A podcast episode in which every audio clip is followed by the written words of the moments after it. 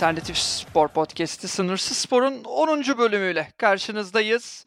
Biraz ara verdik ama e, emin olun beklediğinize değecek müthiş bir bölümle karşınızda olacağız. E, bu hafta dilerseniz gelenekselleştiği üzere Euroleague'le açılışı yapalım. Final Four kadrosu belirlendi. Final Four'a giden ekipleri belirledik ve Cuma günü itibariyle Final Four heyecanı da başlayacak. E, Cuma ve Pazar günü maçlar var.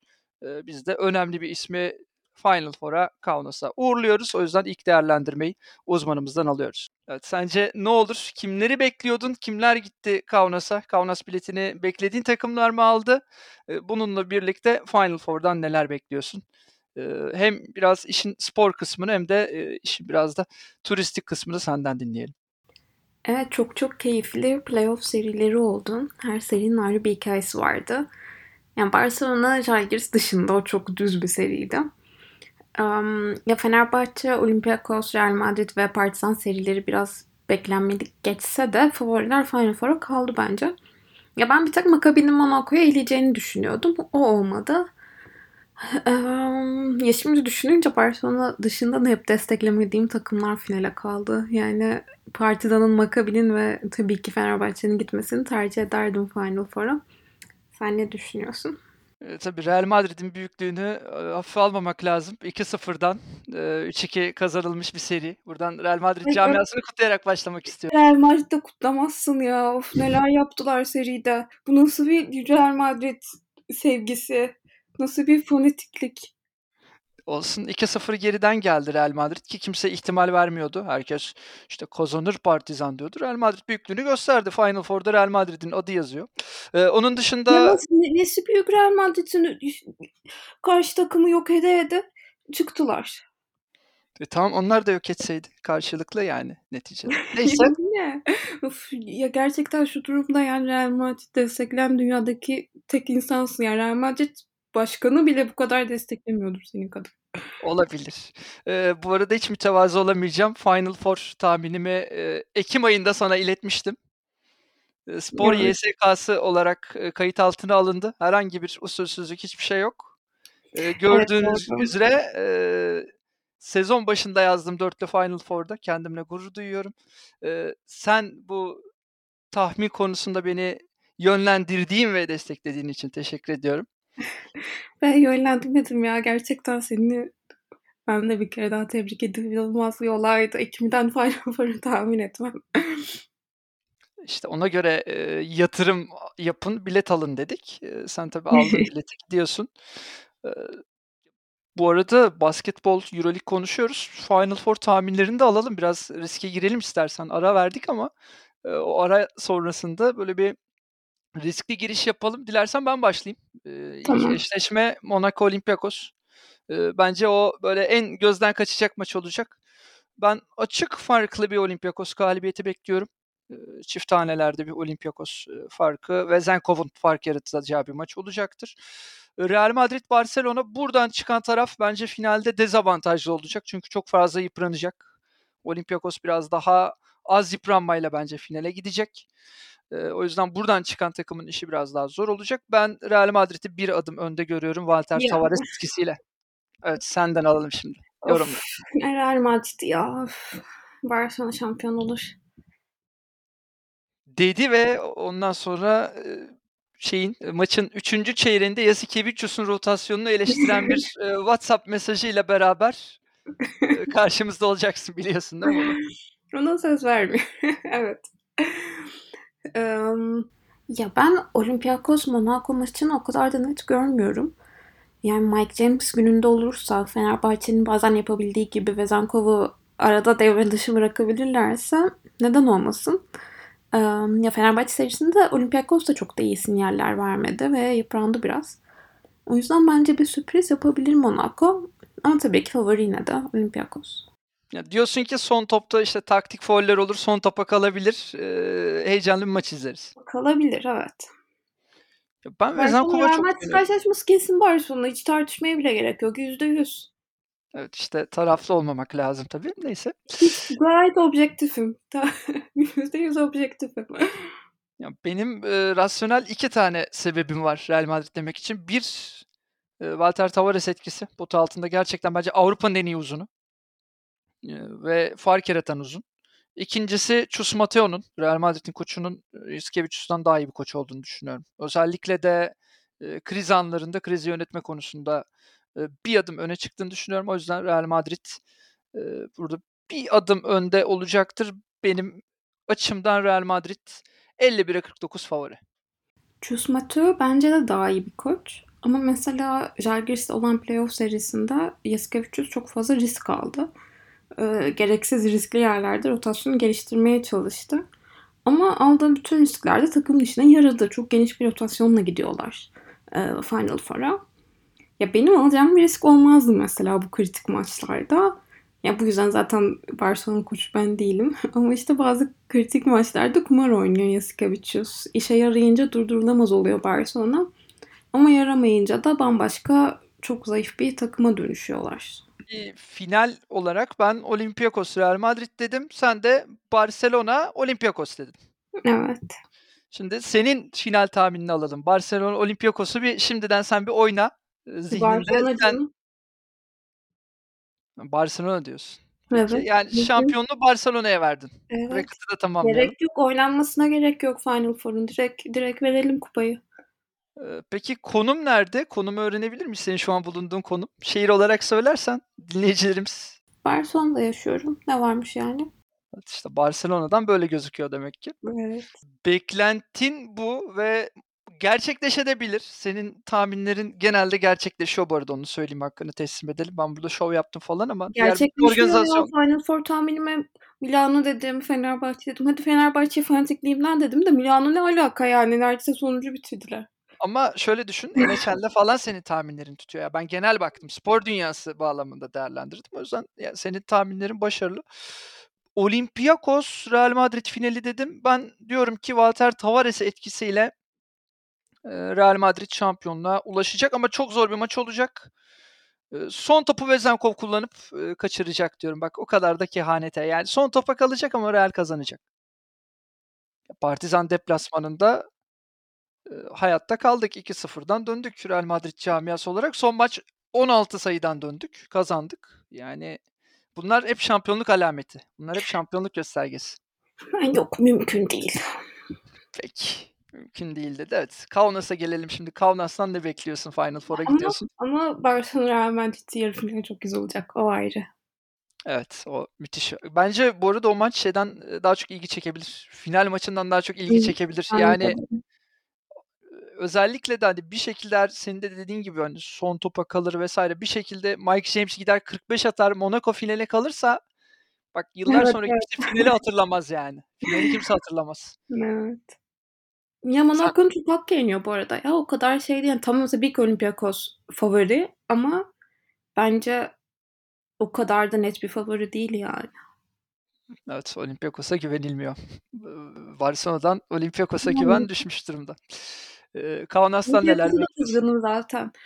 Fenerbahçe'yi elediler. O yüzden desteğim tamamen Monaco'ya.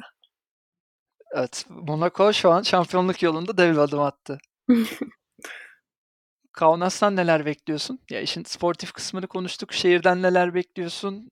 Bununla beraber atmosfer olarak sence nasıl bir atmosfer olacak? Taraftar bağlamında ilgi sence üst seviyede olur mu? Kaunas'a giden çok olur bu eee, Yunanistan'dan, İspanya'dan. Monaco'nun çok fazla seyircisi yok ama hani Monaco'yu da sayalım hadi. Ya Kaunas çok küçük bir şehir. O yüzden muhtemelen şehrin nüfusu bir 2-3 katına çıkacak gibi bu hafta sonu. Litvanyalılar da basketbola çok düşkünler. Yani her ne kadar Žalgiris Final Four'a kalamamış olsa da basketbol kültürü adına güzel bir atmosfer olur bence.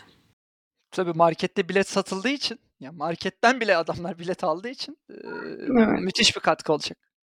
Evet.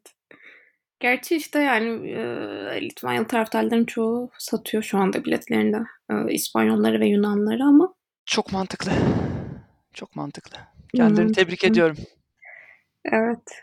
E, ama bakalım yani Litvanya organizasyonu nasıl olacak?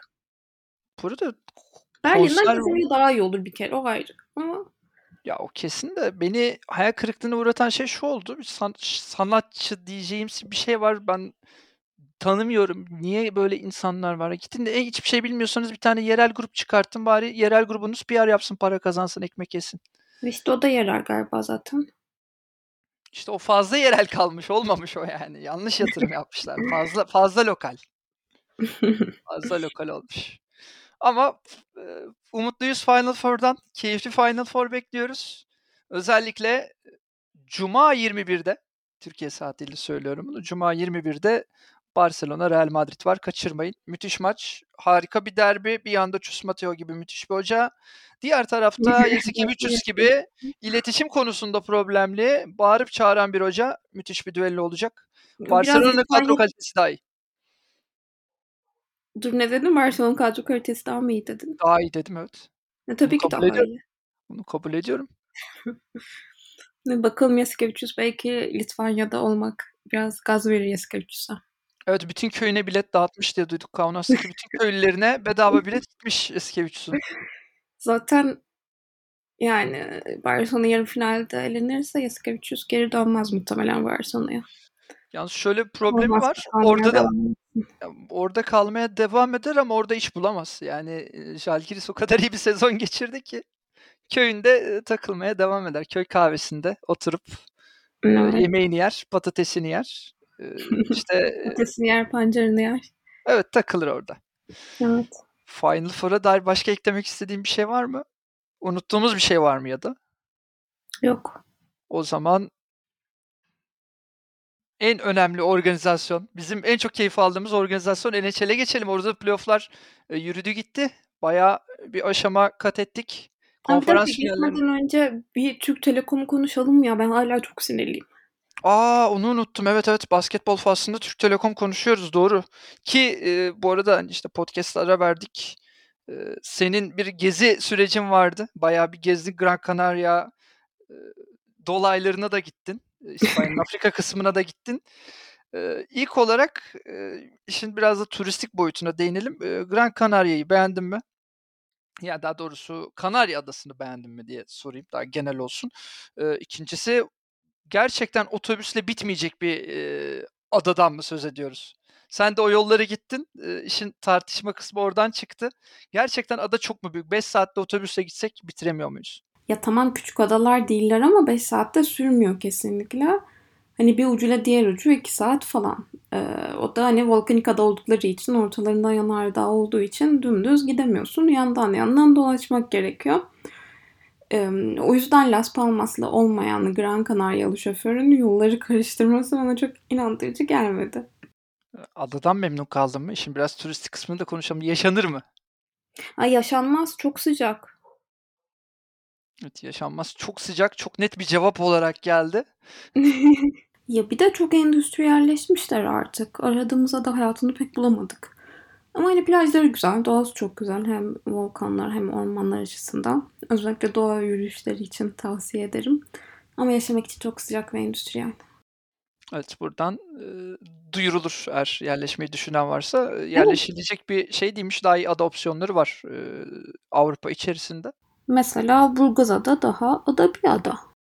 E tabi evet orası da önemli bir adamız. E, katılıyorum bu arada. E, bu arada Gran Canaria demişken e, şunu da söyleyeyim benim İspanya'da uzun süredir tuttuğum takımda Gran Canaria. Belki bir kupa kazandınız ama e, en büyük taraftarlarınızdan birisini kaybettiniz evet. ki Yakalakovic gibi e, benim hani oyunculuğunda en sevdiğim oyunculardan biriydi kendisi.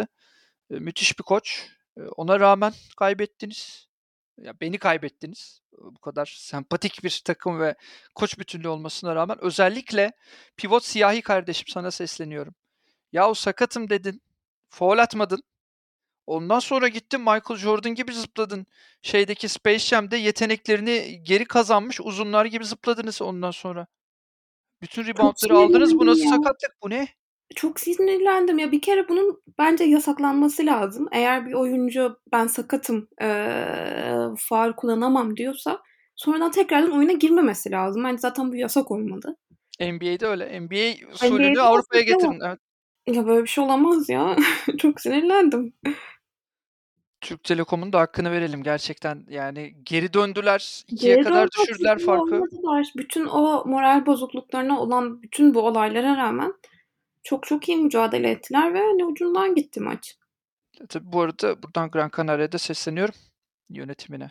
Yahu madem paranız yok, şam niye şampiyonla oynuyorsunuz? Paramız yok, Euroleague'e gidemiyoruz diyorlar şimdi, gidemeyecekler. O Evet. açıktaki, eee, bilet ya açıktaki gitme şeyi muhtemelen Telekom'da da kalmayacak o. Ben öyle Ya çok düşünüyorum. saçma, o niye kalmıyor? Kime kalacak? Eee, ya muhtemelen daha çok, ııı, taraftarı olan, şu anda Euroleague'in parçası olan ama A lisansı olmayan ta taraflardan birine gider o. Of! Yani şu anda en azından görünen hava o. Dileriz Türk Telekom'a gider. Çünkü gerçekten hak ettiler ve Türk Telekom bence ya şöyle de bir katkı sunar Euroleague'e. Ya bütün Türkiye'den giden takımlar yakın geçmişe baktığında hep İstanbul takımlarıydı. İşte Darüşşafaka, Fenerbahçe, Evet. Anadolu Efes, Galatasaray. Hepsi İstanbul takımları. Türkiye'nin İstanbul'dan ibaret olmadığını en azından, görme ve gösterme fırsatı olacak. Neyse umutlu bakalım belki Telekom'a gider bilet. Telekom belki alır o bileti. Hak ettiği bileti bu arada gerçekten. Eee, final gördüyseniz ya şampiyon gidemiyorsa final görenin gitmesi lazım bence. Ya bence de yani başka türlüsü saçmalık olur. Hani 3 takımımız olsa da Euroleague'de gerçekten çok çok güzel olur. Aslında düşününce çok iyi. Perşembe günü İstanbul'da maç seyrediyorsun. Cuma atlıyorsun trene, Ankara'da izliyorsun, dönüyorsun. Güzel. Evet. Güzel plan. Evet, olabilirmiş bu. Ve, yani her hafta, İstanbul ya da Ankara'da müthiş bir rotasyonla beraber ki 3 takım olacak. Anadolu Efes, Fenerbahçe, Beko, Türk Telekom. Yani her 3 haftada bir mutlaka o döngü içerisinde bir tane top class, bir Final Four takımı izliyorsun. Evet. Yani atıyorum aynı haftaya Monaco, Alba Berlin, Bayern Münih üçlüsünün denk gelme ihtimali çok çok düşük. Evet. En az bir tane top class takımı izliyorsun her hafta. Büyük lüks, eee, büyük keyif, eee, dileriz olur. Çok Artık artık NHL'e geçelim mi? Bak NHL'i konuşamıyoruz, şey oldum böyle. Bünye Geçelim, istiyor, tamam, bünye tamam. istiyor, bünye istiyor, bünye istiyor. NHL konuşmak istiyorum artık. Konferans finallerine geldik. Senin, eee, tahminlerinin büyük ölçüde tuttuğu, benimkilerin eşit tuttuğu bir, süreç. Senin şu anda ilk olarak Stanley Cup finali için, sonrasında şampiyonluk için favorileri kimler? Playoff'lar beklentileri ne kadar karşıladı? Ne umdun, ne buldun? Emm, ya, evet, birkaç güne konferans finalleri başlıyor. Doğuda Carolina Hurricanes'le Florida Panthers finali, batıda batıdaysa, eee, Las Vegas Golden Knights ve Dallas Stars finali olacak. Emm, ya, playoff'ların bence açık ara en en en büyük sürprizi bu sezon damgasını vuran, en çok galibiyet rekorları kıran Boston Bruins'un ilk turda Florida Panthers'a elenmesi oldu. Ya, bu lanet oluyor genelde NHL'de. Sezonun en iyi takımını Stanley Cup finalinde çoğunlukla göremiyoruz. Ama bu sene aşırı çabuk elendi Boston ve, ve eleyen Florida da kendini playoff'lara böyle zar zor atmıştı. Onlar da konferans finaline kadar geldiler. Gerçekten büyük başarı. Mesela geçen sene de normal sezonun en başarılı takımı Florida Panthers'tı. Onlar da geçen sene yanlış hatırlamıyorsam Tampa Bay Lightning'e, emm, ya 2. ya 3. turda, galiba 2. turda 2. tur, 2. tur 2. erken gittiler. eee, beklenmedik bir şekilde elenmişlerdi. Yani bu sene bir nevi geçen seneki playoff'ların, eee, intikamını alıyorlar.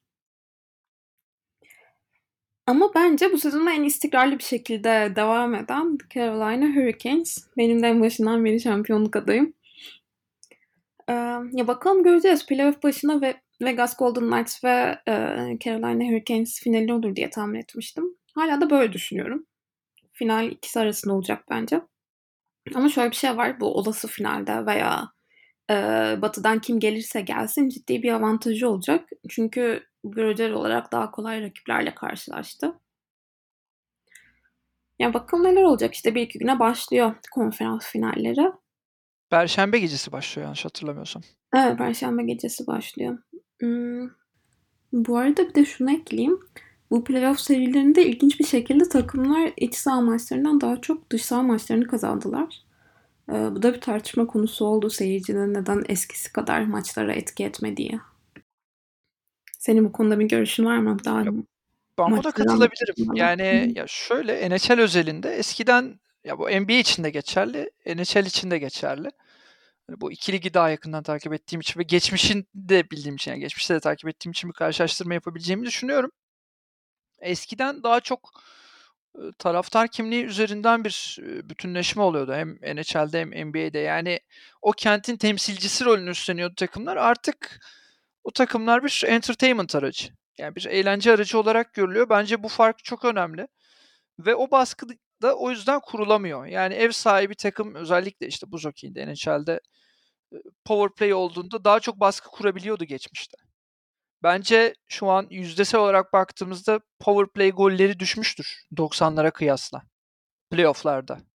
Ev sahibi takımlar için söylüyorum bunu. Yani orada bir yaklaşım farklılığı var. Herkes için entertainment e, haline gelmiş durumda. Yani evet maç izleniyor ama çok büyük bir kavga olmadığı müddetçe ya da çok uç bir e, şey maç içerisinde yaşanmadığı müddetçe çok fazla eğer bir baskı yani mesela 2 dakikalık 3 dakikalık böyle büyük bir baskı sekansı yoksa seyirci işin içine girmiyor. Seyirci evet. elinde kolası elinde işte tavuk kanadı orada yemek yiyip eğlenmeye çalışıyor. Ki bu arada bu da hani yanlış bir yaklaşım demiyorum. Bu bir tercihtir ve Amerika Birleşik Devletleri'nde artık işler böyle yürüyor. NBA'de de böyle, NHL'de de böyle, diğer profesyonel organizasyonlarda da böyle. Belki NFL bunun bir tık dışında kalıyor. Onun da sebebi hani en popüler spor Amerika Birleşik Devletleri'nde ve gerçekten NFL'de her takımın seyir, şehrini temsil etme gibi bir misyonu var ama ya ev sahibi avantajının çok da e, anlamlı olmadığı bir noktaya geldik gerçekten playoff'larda. Bir de şunu da söylemek lazım. Tabii ulaşım özellikle 1990'lara kıyasla hani günümüzde çok daha kolay ve daha az yorucu bir şekilde gerçekleşebiliyor. Ee, bunun da payı var. Tahminlere gelecek olursak Carolina... İyi tamam sen konuş. Hayır daha bunları bir şey ekleyeceğim dur bir. Ekle ekle ekle ekle. Ekleyeceksin ekle. Unuttum diyeceğim şimdi laf karışınca ne diyecektim acaba? Dur düşünelim biraz. Şey dedim ben işte ev sahibi avantajın çok fazla bir manası yok dedim. Ha, tamam ay evet diyecektim ki. Ha, de, dur de. Deriz diyecek. ha, söyle. Ya dediklerine ek olarak evet entertainment kısmı ağır basıyor. Bu yüzden de sporcular kendi evlerinde daha bir şov odaklı oynuyor. Daha çok risk alıyorlar. Ama deplasmanda daha temkinli, daha daha az şov yapma amaçlı oynayınca da pakın kontrolünü daha iyi sağlıyorlar bence. ya bir de bu durum benim aklıma şeyi getirdi. Alex Krumer ve Ken Harpwoo'nun bir tane makalesi var spor ekonomisinde. Choking Under Pressure diye. Özellikle dikkat gerektiren sporlarda mesela biatlon bunun en büyük örneği kendi evlerinde, kendi seyircilerin önünde ol- olmak e, yarattığı psikolojik baskıdan dolayı sporcular için dezavantaj olabiliyor bazen. Playoff'lar gibi kritik maçlarda da böyle bir durum olabilir. Bir de şöyle bir fark var bence eğer işin hani oyun kısmında da odaklanıyorsak özellikle savunma tipinin değişmesiyle beraber yani savunma oyuncuları artık çok daha fazla işin içerisine giren işte pas yapabilen oyuncular ve bu tipte oyuncuları olan takımların bir adım öne çıktığını gördük ki bence Dallas Stars'ın başarısının temelinde yatan noktalardan biri bu. O senin ifade ettiğin pak kontrolünü bu da e, önemli ölçüde sağladığından dolayı e, biraz daha deplasmanda kontrollü oynayan takımlar bir adım öne çıktı. Yani burada bence savunma oyuncularının katkısı da önemli. İşin tahmin kısmında da yani Carolina Hurricanes'in finale gideceğini düşünüyorum. Ee, sana katılıyorum. Ama Dallas Stars bir sürpriz yapabilir miydi bir düşünüyorum ya. Özellikle Heiskane'nin performansından çok etkilendim biraz. O yüzden duygusal da bakıyor olabilirim. Ama hani gönlümden geçen en kaliteli final ise e, mesele Carolina Hurricanes Vegas Golden Knights finali istiyorum. E, umarım böyle bir final gerçekleşir ve keyifli bir Stanley Cup e, finali anlatırız. Evet ben zaten söyledim tahminimi. Ee, bence hani Carolina Hurricanes Vegas Golden Knights finali olacak. Carolina Hurricanes alır diye düşünüyorum. Yani normal şartlarda alması lazım. Ama ya yine de daha önce dediğim gibi e, Vegas Golden Knights'ın daha kolay rakiplerle oynama avantajından dolayı daha az e, yorgun olabilir. Öyle bir avantajı olabilir. Ama bakalım bu arada hani Carolina Hurricanes'te hani evet rakipleri daha zordu ama o kadar da zorlanmadılar yani. Hani genelde sanırım 7. maça giden serisi olmadı yanlış hatırlamıyorsam. Ben de yok diye hatırlıyorum. Evet. Ve seri içi istikrarı Carolina Hurricanes'in çok daha iyi. Yani gerçekten playoff seriler bağlamında değerlendirdiğimizde oyun olarak çok fazla düşüş yaşamadılar. Yani belli bir ritimde götürdüler. Vegas inişte çıkışlı bir performans ortaya koyuyor. O yüzden bence de öyle bir finalde Carolina Hurricanes bir adım önde. Geçmişte Carolina Hurricanes'i desteklemiş ve Stanley Cup finali kaybetmiş bir birey olarak ben de Carolina şampiyonluğu anlatmak isterim. Geçen sene bu cümleleri Colorado için kurduk. Colorado'yu şampiyon yaptık. Bu sene dileriz Carolina Hurricanes şampiyon olur. Umarım Şimdi. ya. Bir de en en tatlı takım yani NHL'in. En az e, penaltı alan takımlarından biri.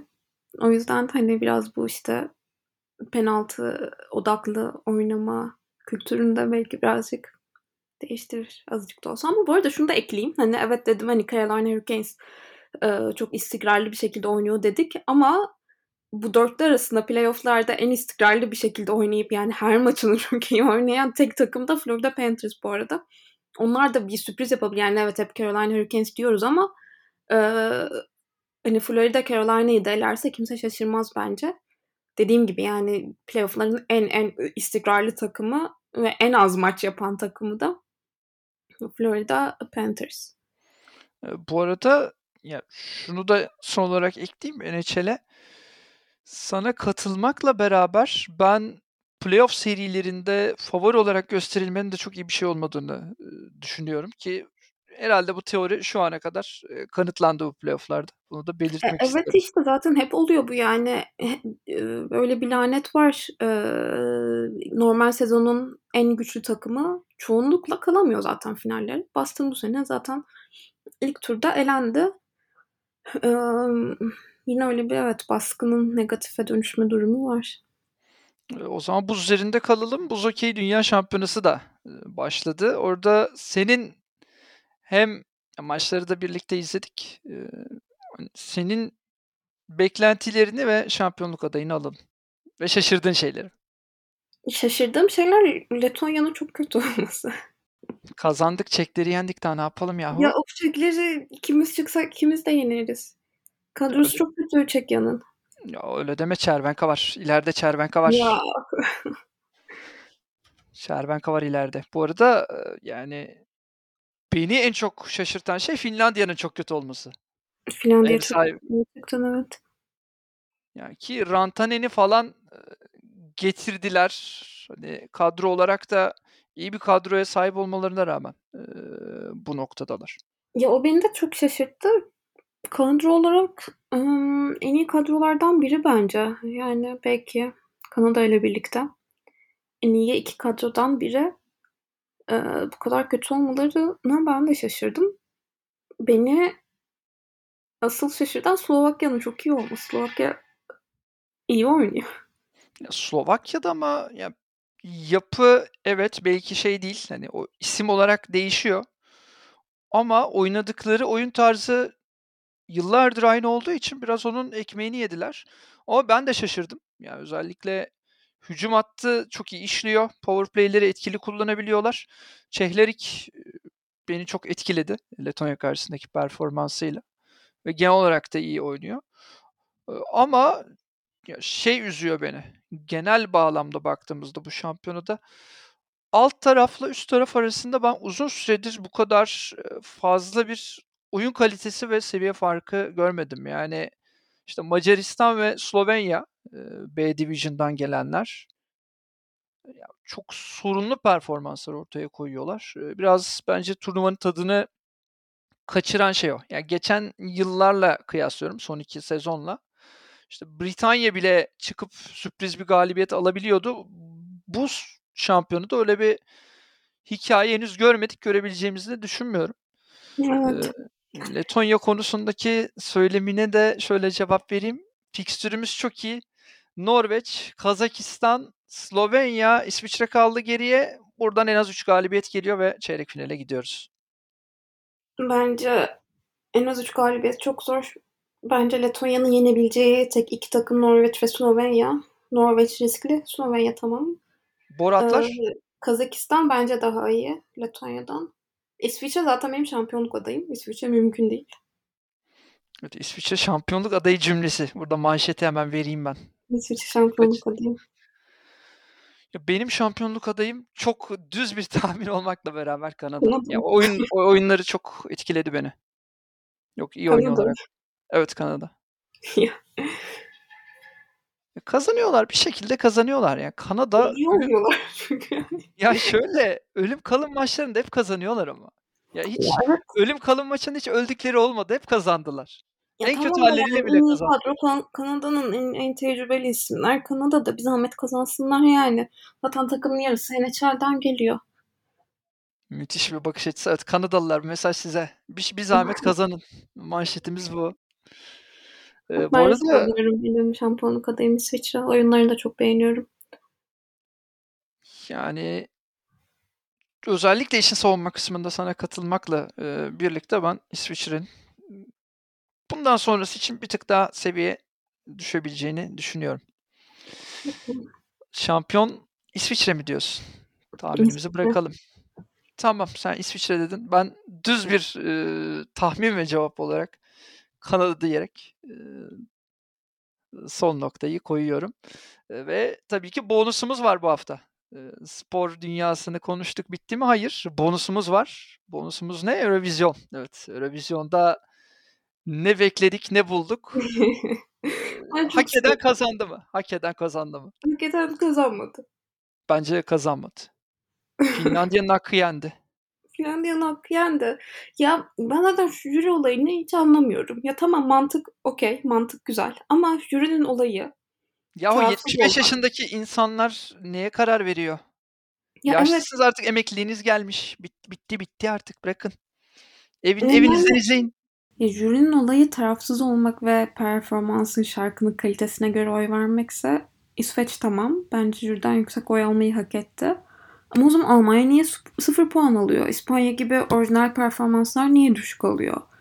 Yani jürinin bariz bir pop ve herkese hitap eden performanslara kaliteden bağımsız daha yüksek puan verme gibi bir eğilimi var. ya tamam metal müzik herkese hitap etmeyebilir ama Almanya'nın performansı mesela müzikal değer olarak %80'inden daha iyiydi. Barcelona şampiyon olacak yorumundan daha duygusal bir yorum gelebilir mi diye düşünüyordum. Gelebiliyormuş geldi. Ya hayır ne, ta- tamamen objektif. Ya bak yine diyorum yani tamam metal müzik herkese hitap eden bir müzik değil. Sevmiyor olabilirsiniz.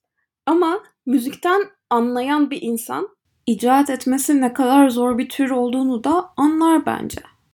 Bu arada İsveç kazandı ama Finlandiya'nın şarkısını ben her yerde duyuyorum. Ya NHL'de bile duydum. Devre arasında yani Amerika Birleşik Devletleri gibi Eurovision'dan bir haber ve hani çok az kişinin izlediği bir ülkede dahi eğer NHL'in devre arasında bu şarkı çalıyorsa ki bayağı çaldı yani uzun uzun çaldı.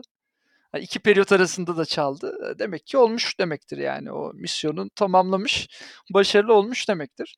Benim hakkını yendiğini düşündüğüm şarkı ve ülke daha doğrusu Moldova'ydı. Ya ben çok keyif aldım. Çok eğlenceli bir ritmi vardı. Hani tam bir Eurovision şarkısı. Ya bu ne? Adam arabasını satıp gitmiş bari ona hürmetiniz olsun. Jüri ne yapıyorsunuz? Gerçekten adam ya arabasını satmış şeye gitmek için, Eurovision'a gitmek için ya. Üzüldüm adama. Ya işte doğru oy verin. Bak şeyden oy aldı bu arada. Moldova şeyden fena oy almadı. E, televoting'den fena oy almadı da jüri ne yapıyorsun? Nasıl bir müzik zevkiniz var bu ne? Çok kötü. Ya evet ben şunu anlamıyorum. Toplum için yapılan eğlenceli bir yarışma bu. Niye toplumun favorisi kazanmıyor? Tamam jüri mantığına da hak veriyorum ama mesela jürinin oranı düşürülebilir. Ee, işte televoting %80, jüri %20 olabilir mesela. Çünkü şey seçmiyoruz yani ne bileyim. Yönetici seçmiyoruz yani. Evet, Avrupa'yı yönetecek birini seçmiyoruz neticede. Evet yani bu eğlence amaçlı yapılan bir yarışma. Benim eee, müthiş bir önerim var. Jüri ağırlığı 0001 geriye kalan her şey televoting. Yani şöyle bir saçmalık var. Ya şöyle bir saçmalık var. Dediğin gibi hani hem toplum için yapılıyor. İkincisi toplumun istediği şarkı ya da hani işte Avrupa'nın en iyi şarkısı tırnak içinde söylüyorum. Evet politik oy o zaman da kullanılıyor ama zaten toplum dediğin şey politik bir varlık. Ya insanlar politik bir varlık. Hani bu doğal akış içerisinde çok normal şekilde bir toplumsal refleks göstergesi. Evet politik oy kullanılmıştır her zaman ama hak etmeden kazanan da ben hatırlamıyorum.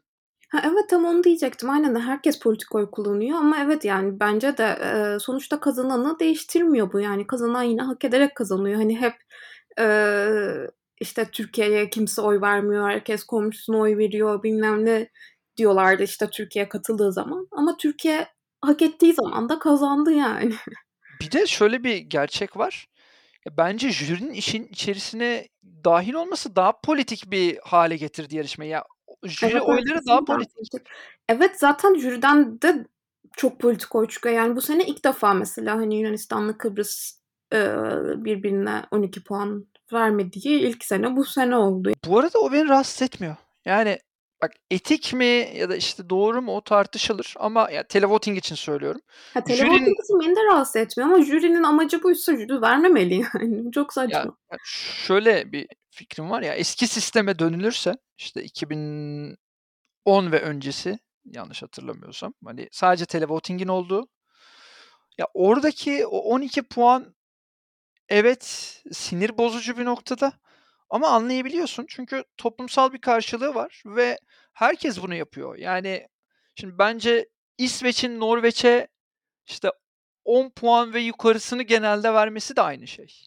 Ya da Türkiye'nin Azerbaycan'a 12 puan vermesi de aynı şey.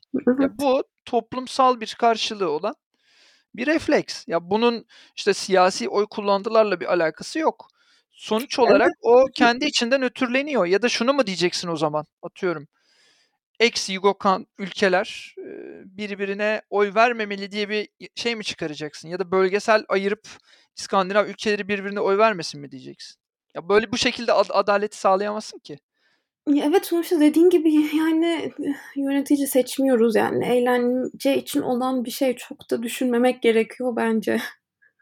Evet o yüzden e, dileriz e, hak edeni kazandı ve artık e, jürinin ortadan kalktı son yarışma olur ve tabii Eurovision'un ben e, hala keyifli geçtiğine katılmakla beraber katılımcı ülke sayısının biraz son yıllarda azaldığını ve bunun Eurovision'a zarar verdiğini düşünüyorum ki bunun da temel sebeplerinden biri bence jürinin e, puanlama işine dahil olması. Zannetmiyorum ya. Bence o kadar düşmedi. Tam tersine popülaritesi sürekli artıyor Avrupa'da. Ee, biraz ekonomik krizden dolayı katılmayan ülkeler oldu. O da geçici bir şey bence. Ya umarım e, tabii en kısa sürede Türkiye'de e, görmek istiyoruz onu da söyleyelim. Evet bu sene Eurovision günü e, Türkiye'nin katılmadığı son Eurovision diyorduk. Muhtemelen bu gidişle bir süre daha katılmamaya devam edecek ama bakalım.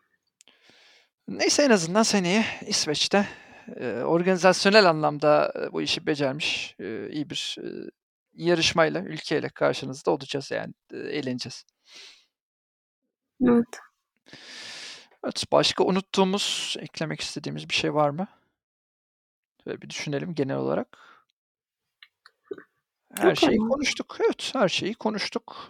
Sınırsız Spor'un 10. bölümünün sonuna geliyoruz. Pek çok şeyi konuştuk. Eurovision'a değindik. Keyifli bir bölüm oldu. Ara verdik ama bu verdiğimiz arayı telafi ettiğimizi düşünüyoruz. Bundan sonraki süreçte daha istikrarlı, daha keyifli, biraz daha eğlenceli bölümlerle karşınızda olacağız ve her hafta burada olacağız eğer başımıza garip şeyler gelmezse. e, yani o yüzden bundan sonraki süreçte e, bizleri takip etmeye, desteklemeye devam ederseniz e, seviniriz. Önümüzdeki hafta özellikle tabii tenise değinip Fransa açık heyecanını sizlerle oluşturup tahminlerimizi bırakıp sonuçları bekleyeceğiz. Sınırsız spor Alternatif Spor Podcast'inin bu haftaki, bölümünün sonuna geldik. 11. bölümde yeniden karşınızda olmak dileğiyle, hoşça kalın.